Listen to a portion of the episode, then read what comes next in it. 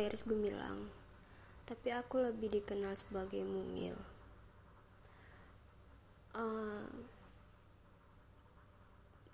jujur ini adalah podcast pertama aku, di mana aku rasa aku tuh butuh tempat buat aku curahin semua isi hati aku.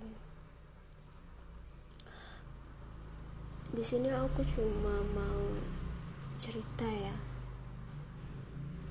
Mau cerita.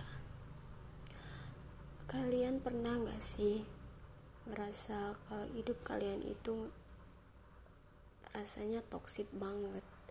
Kayak ngerasa nggak ada nggak ada yang menguntungkan sama sekali.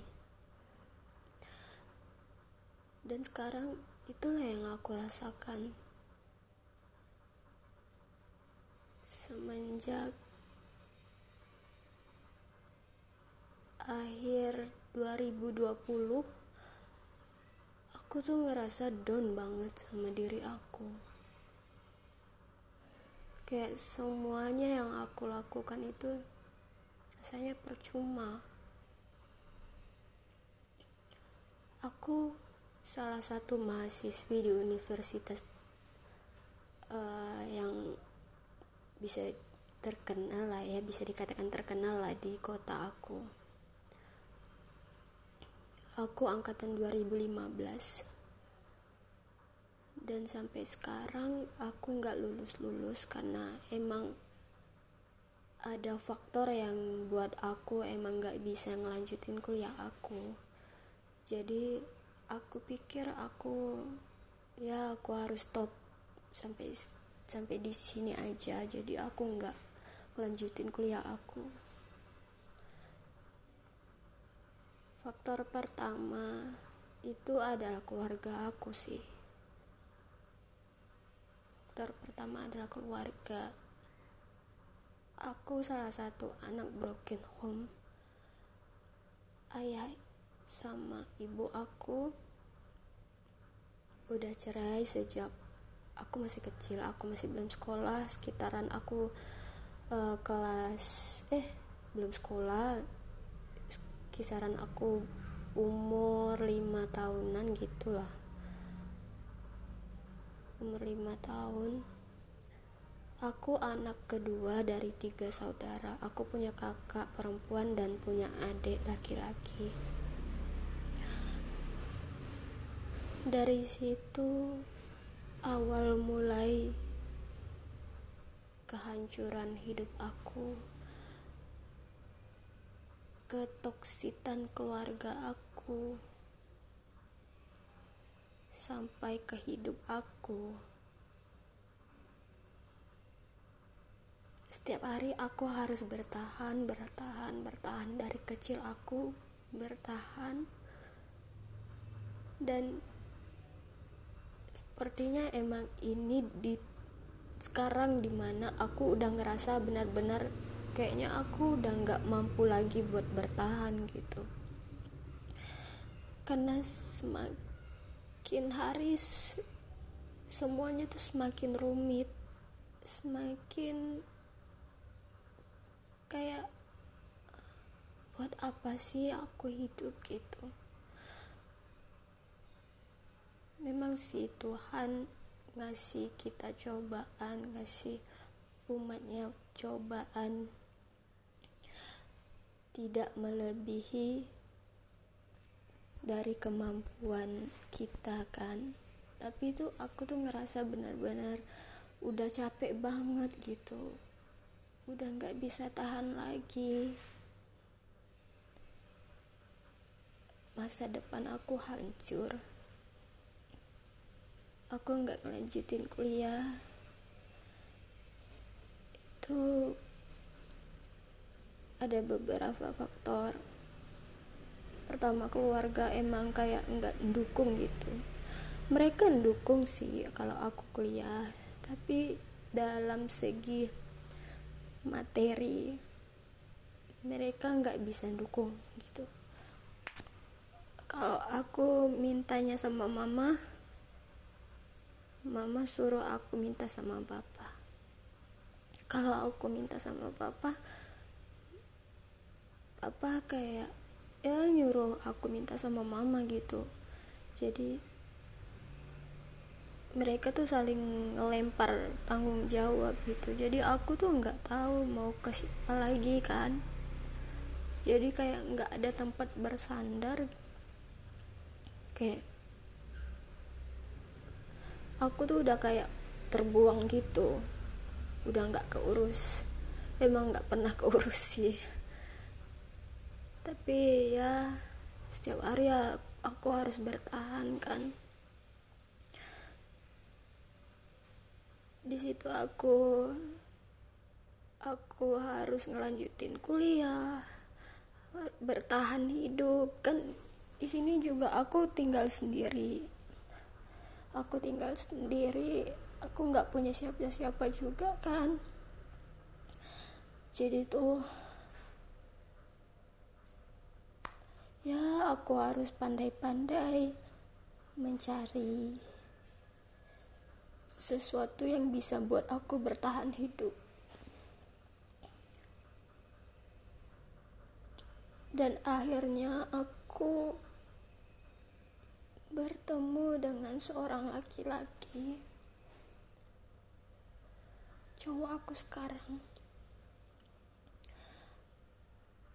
Dan aku sekarang tinggal sama dia di rumah. Dia seorang duda tapi dia berondong dia dua tahun di bawah aku.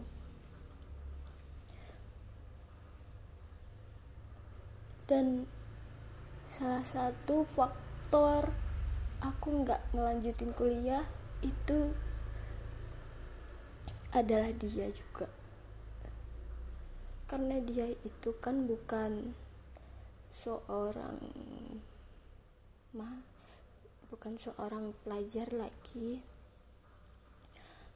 dia udah lulus sekolah dan dia juga seorang duda anak satu.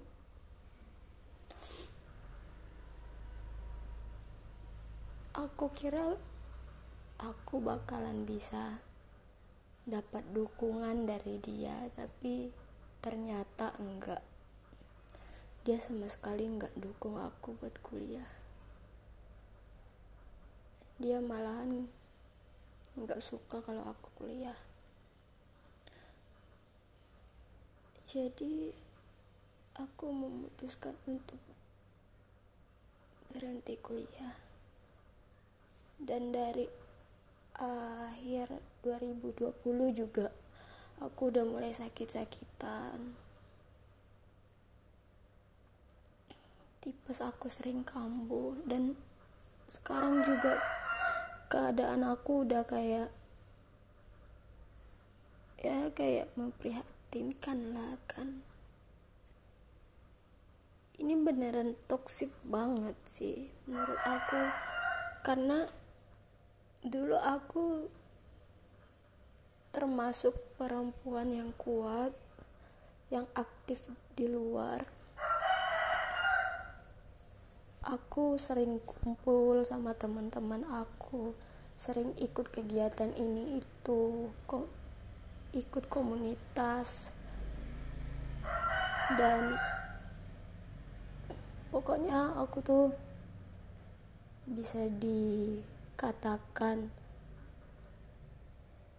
perempuan yang aktif lah di luar. Dan temen aku kebanyakan cowok. Itu pun karena aku ikut aku ikut uh, komunitas pendaki.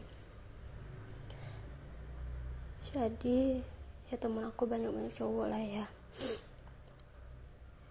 Tapi semenjak aku kenal sama cowok aku yang sekarang dia nggak bolehin aku ini itu.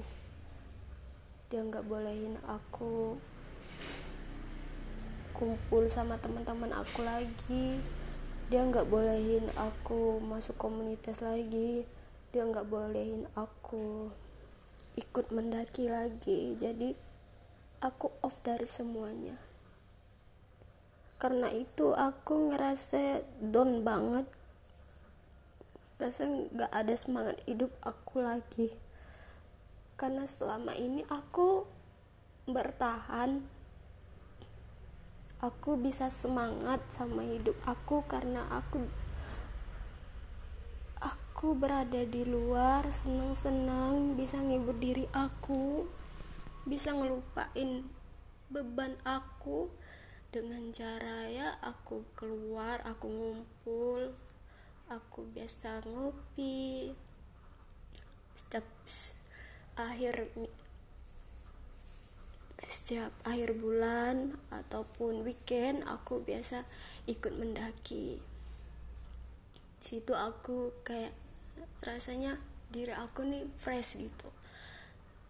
Tapi semenjak itu aku udah nggak pernah lagi. Jadi kayak sekarang aku kayak udah kehilangan diri aku kehilangan jati diri aku kehilangan diri aku yang sebenarnya yang kayak dulu terus sumpah ini tuh sakit banget tau nggak? Sakit banget. Aku ngerasa hidup aku sekarang ya kayak gini aja. Monoton banget. No lab sumpah beneran no lab sekali. Aku udah kayak jadi anak rumahan nggak boleh ke mana-mana nggak boleh nggak boleh temenan sama siapa-siapa. Aku cuma boleh ke rumah ke rumah mamanya ke rumah kakaknya ada sama di rumah aku aja gitu. Kalau aku mau keluar aku harus sama dia. Aku nggak dibolehin temenan lagi. Bahkan sampai HP aku aja sampai di reset sama dia nomor HP semua dihapus sama dia. Kayak beneran ini orang aku mikir ini orang waras ke waras nggak sih gitu? Maaf ya kalau aku ngomongnya belepotan karena aku tuh sedih banget gitu ceritanya. Jadi ya aku nahan aja sih biar aku bisa cerita juga. Aku tuh aku tahu hubungan aku sama dia ini kayaknya toksik sih. Tapi tuh aku nggak tahu harus kayak gimana. Di satu sisi aku sayang banget sama dia. Aku nggak tahu apa yang buat aku sayang banget sama dia tapi di sisi lain aku tuh ngerasa semenjak sama dia aku udah kayak bukan jadi diri aku sendiri gitu.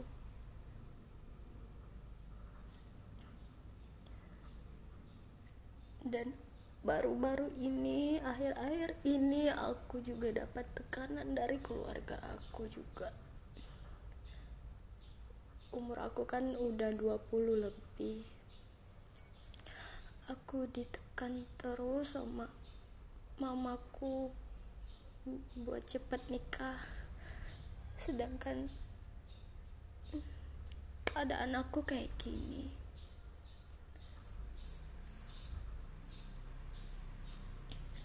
Aku nggak dibolehin kerja sama dia aku nggak dibolehin kuliah sama dia aku cuma boleh di rumah. Nggak ada kehidupan sama sekali di hidup aku. Jadi aku tuh ngerasa pengen nyerah sama hidup aku. Tapi aku terlalu pengecut. Aku nggak siap buat mati sih. Tapi kalau bertahan seperti ini terus aku juga nggak tahan.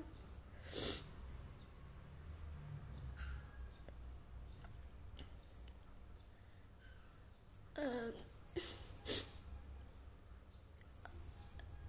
ini ini cerita tentang mama aku lagi ya.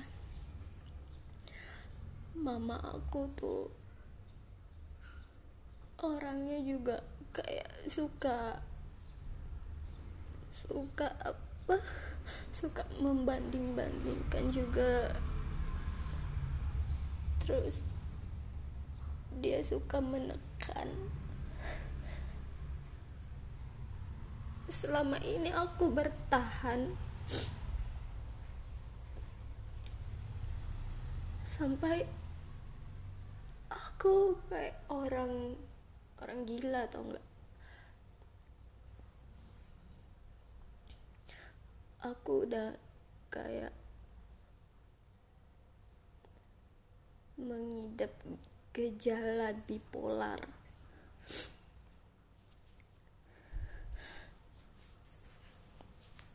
Kadang aku sedih sedih secara tiba-tiba.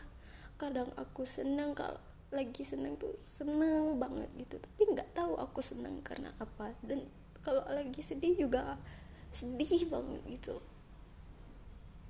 Jadi mood aku sekarang suka berubah-ubah sih.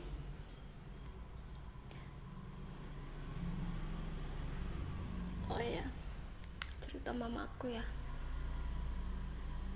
Mama aku tuh orangnya dia suka menekankan mama aku tuh egois egois banget. Kalau dia pengen sesuatu dari aku aku harus nurut. Dia nggak mikirin keadaan aku kayak gimana. Dia nggak mau tahu aku lagi apa intinya harus dia mau ini aku harus ikut gitu. Sumpah aku rasanya pengen eh, pengen mati aja deh.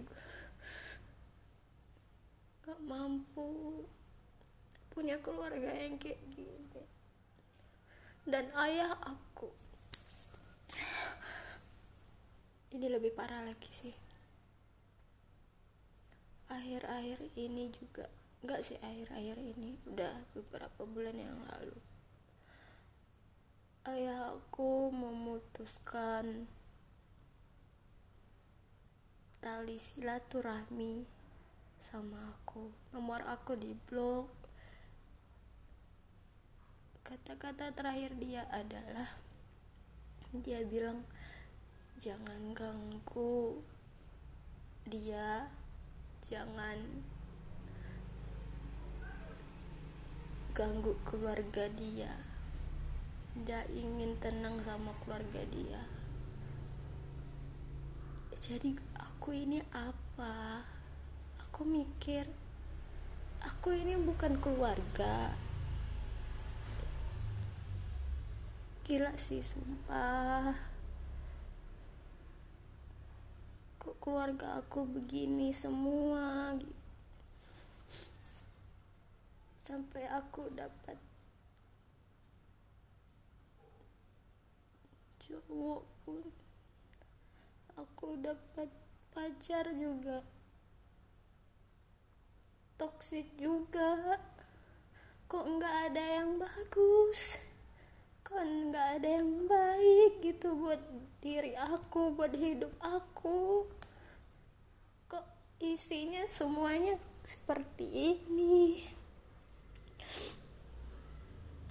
Itu yang buat aku pengen udahan sama hidup aku.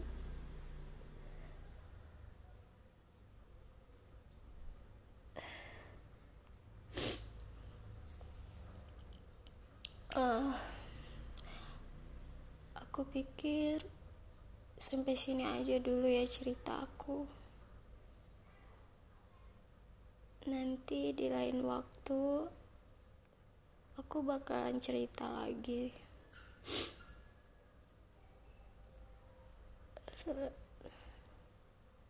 Karena aku nggak mampu sih nggak mampu nggak bisa tahan aku please. Tolong jangan jatuh jangan jatuh jangan jatuh udah ya.